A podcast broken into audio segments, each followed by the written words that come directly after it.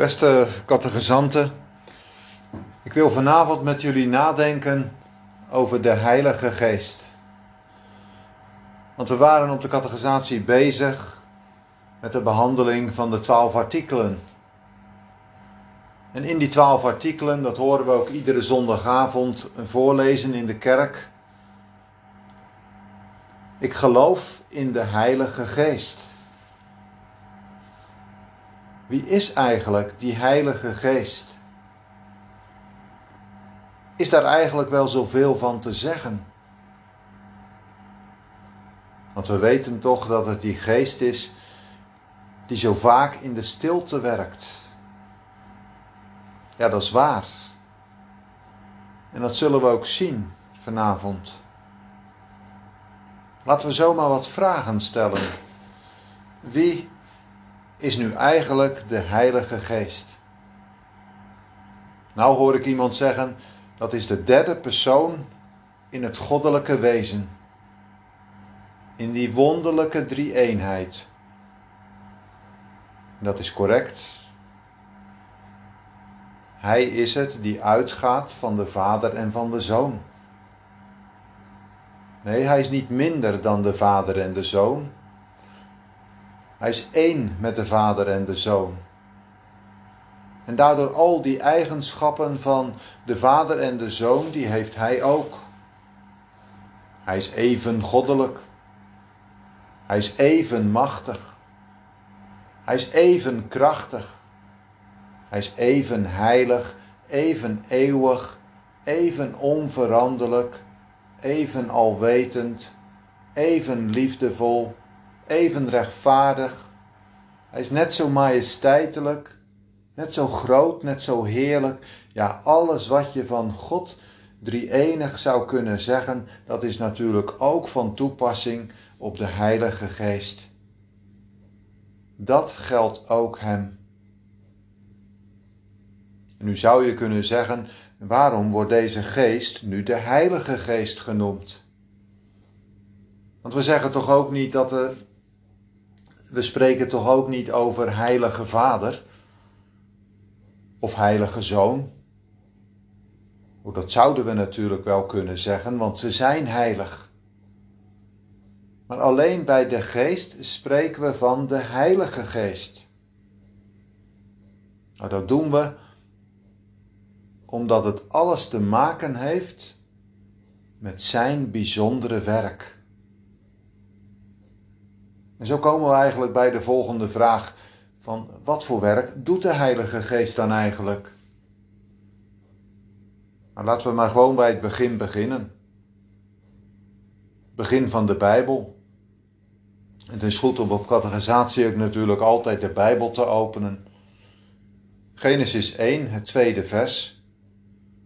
Daar wordt al direct over de geest gesproken. En de geest Gods zweefde over de wateren. Maar misschien vraagt iemand wel: wordt daar niet gewoon de wind mee bedoeld? Want de geest wordt in de Bijbel toch ook wel aangeduid met wind. als het daar in de schepping gaat over het water, dan zou dat toch heel goed, uh, die geest zou toch heel goed aangeduid kunnen worden als een wind. Nee, dat kan niet, want in het tweede vers was de wind nog niet geschapen.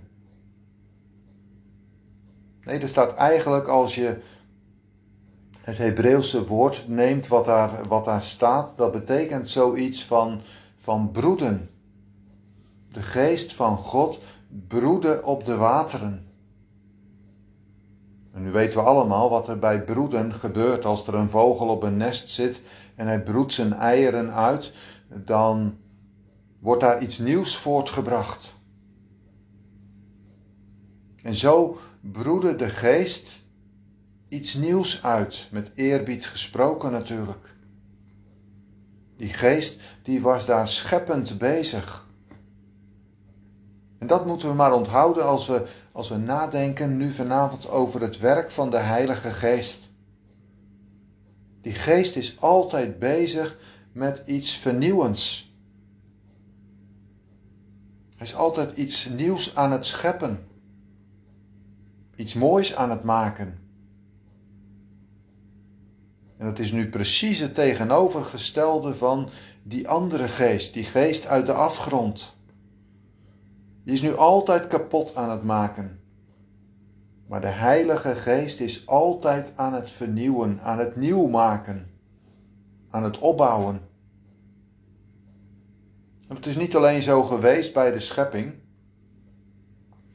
Nee, dat wonderlijke werk van de Heilige Geest, dat gaat steeds nog door over deze aarde.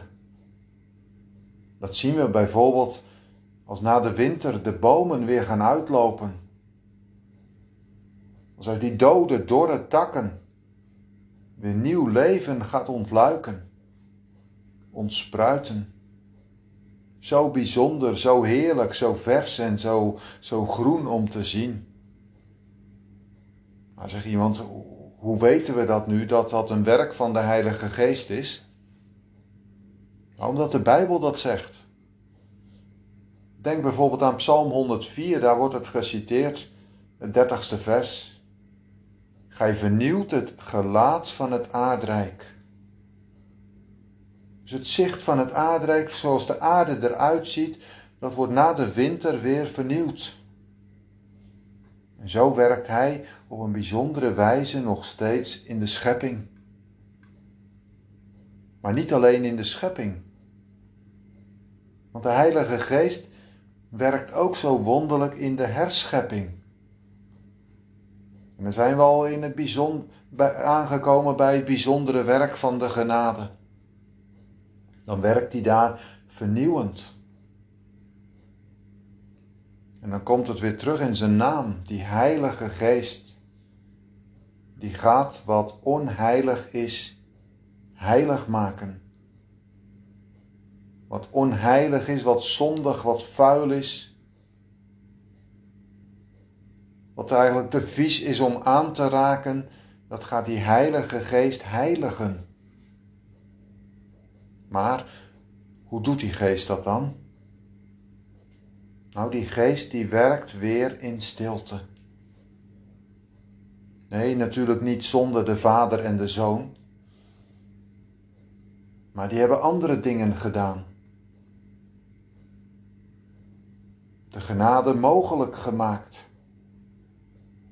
Denk bijvoorbeeld aan het werk van God de Vader door een weg uit te denken, waardoor zondaren zalig kunnen worden. En de Heer Jezus, zoals Hij die genade verdiend heeft, in zijn diepe weg die Hij ging door deze wereld. En die Heilige Geest werkt zo anders. De Vader en de Zoon hebben dat werk van de genade buiten de mens volbracht. Maar de Heilige Geest die gaat dat nu in de mens werken. Die past toe wat de Heer Jezus verdiend heeft. Nu kunnen we een vraag stellen van ja, en dat is wel een belangrijke vraag voor ons, want, want hoe doet die Heilige Geest dat nu?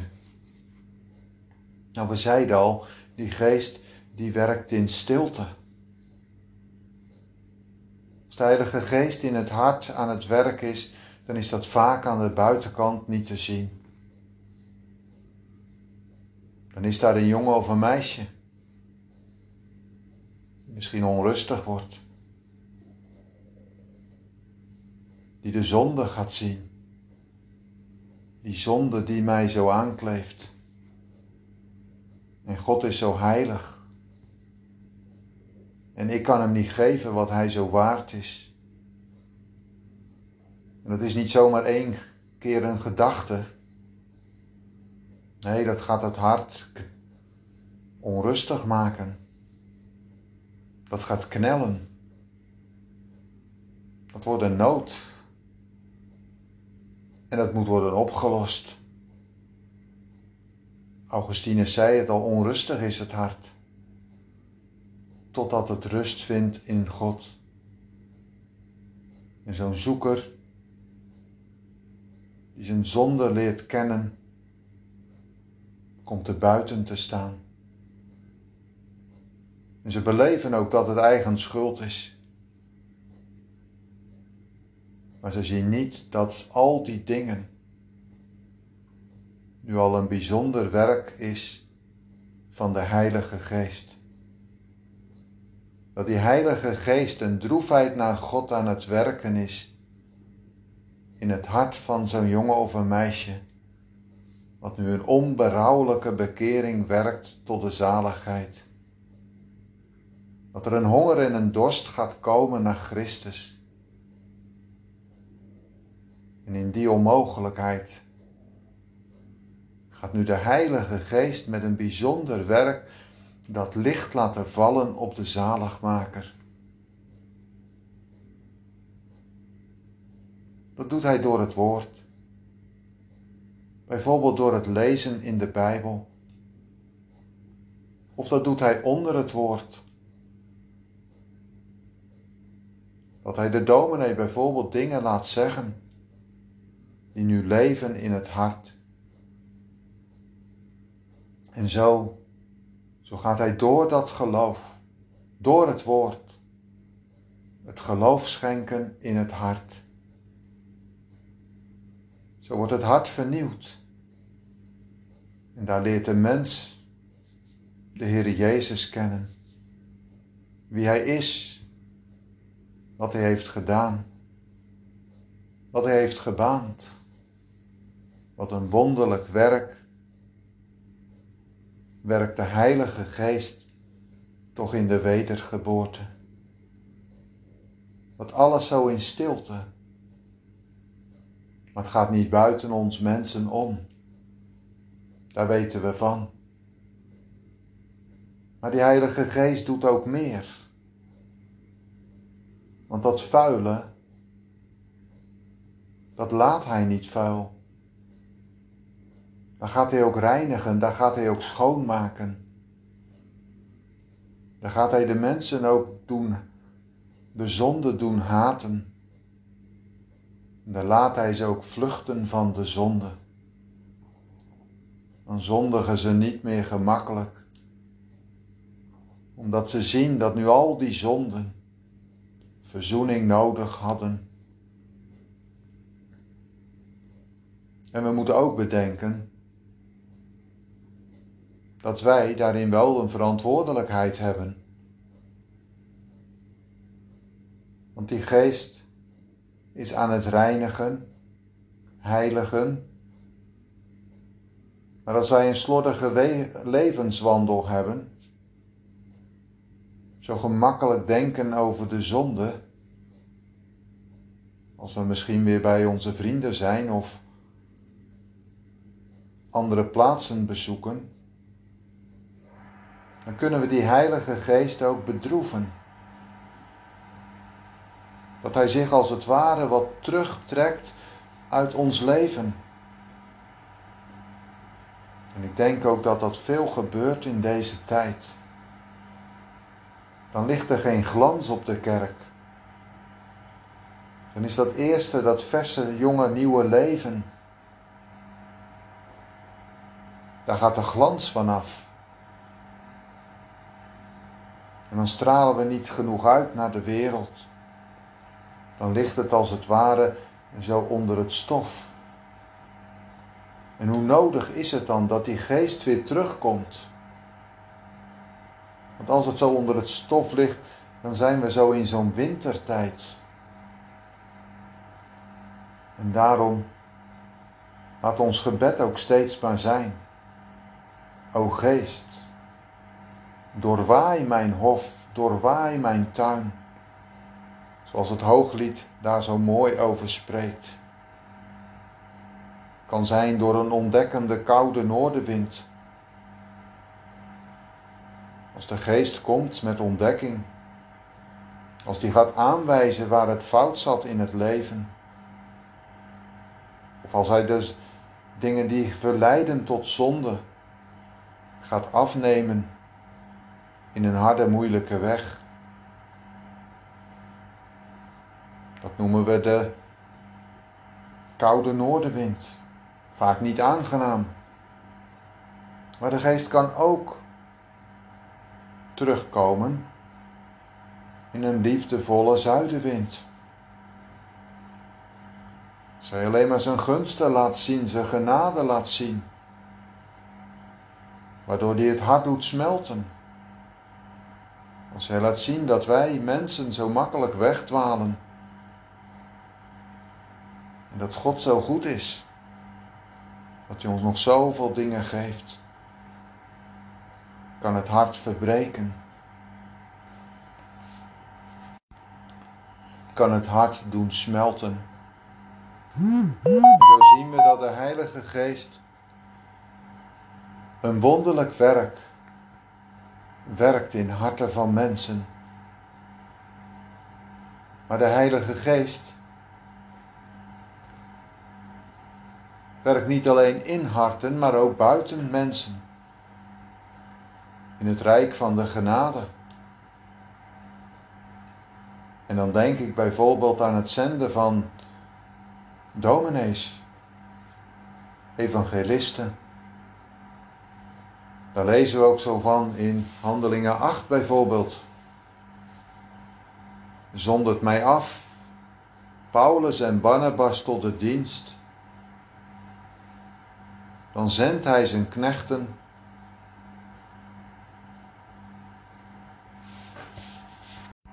tot de plaatsen waarin hij het wil op welk moment dan ook. Of denk aan het werk wat hij heeft gedaan door het schrijven van de Bijbel. Dat hij daar mensen toe gedreven heeft. Een wonderlijk werk van de Heilige Geest. Maar de allerbelangrijkste vraag is wel of wij Hem nu persoonlijk kennen als die trooster die trooster in ons leven, die ons heen leidt naar de Heer Jezus Christus.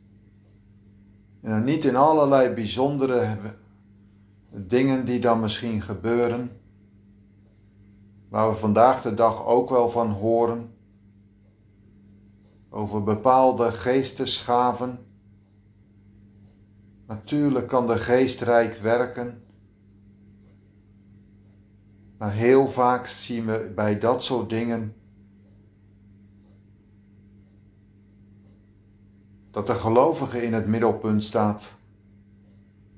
En juist als de Heilige Geest werkt, zo zegt de Heer Jezus het in de Bijbel, in het Johannesevangelie, die Heilige Geest, die trooster, die zal mij verheerlijken. En dat is nu zo'n zuiver kenmerk van het werk van de Heilige Geest. Daar moeten we altijd goed op letten. Want er zijn ook andere geesten. Geesten uit de afgrond die het werk van de Heilige Geest nabootsen, naapen. En het is een bekende uitspraak van Luther die zei: De duivel is altijd de aap van God. Maar die misleidt. Dat is een naaper. Maar de geest laat de vruchten van het nieuwe leven zien, waardoor mensen verzekerd worden van de zaligheid. Het is de geest die dan getuigt met hun geest dat ze kinderen van God zijn. En daarom als we zo vanavond nadachten over het werk van de Heilige Geest, kunnen wij dan met een geloofsbeleidenis meezeggen, ik geloof in de Heilige Geest. Kunnen wij zeggen, Hij is mijn trooster, Hij is mijn leraar, Hij is mijn leider. Net zoals die bekende psalm het zegt, die de psalmdichter gedicht heeft, O Heer, Hij maak mij uw wegen door uw woord en geest bekend. Leer mij hoe die zijn gelegen en waarheen gij uw treden wendt. Leid mij in uw waarheid leer, ijverig mij uw wet betrachten, Want gij zijt mijn heil, o Heer. Blijf u al den dag verwachten. Want daar werkt de geest ook op aan. Dat het heimwee groter wordt. En die heimwee hebben, ja, die komen thuis. Zo hebben we vanavond even een ogenblik met elkaar nagedacht over het werk van de Heilige Geest. Wat is die geest veelzijdig? Wat werkt hij wonderlijk? Maar de belangrijkste vraag is wel voor ons allen. Werkt hij nu ook in onze harten?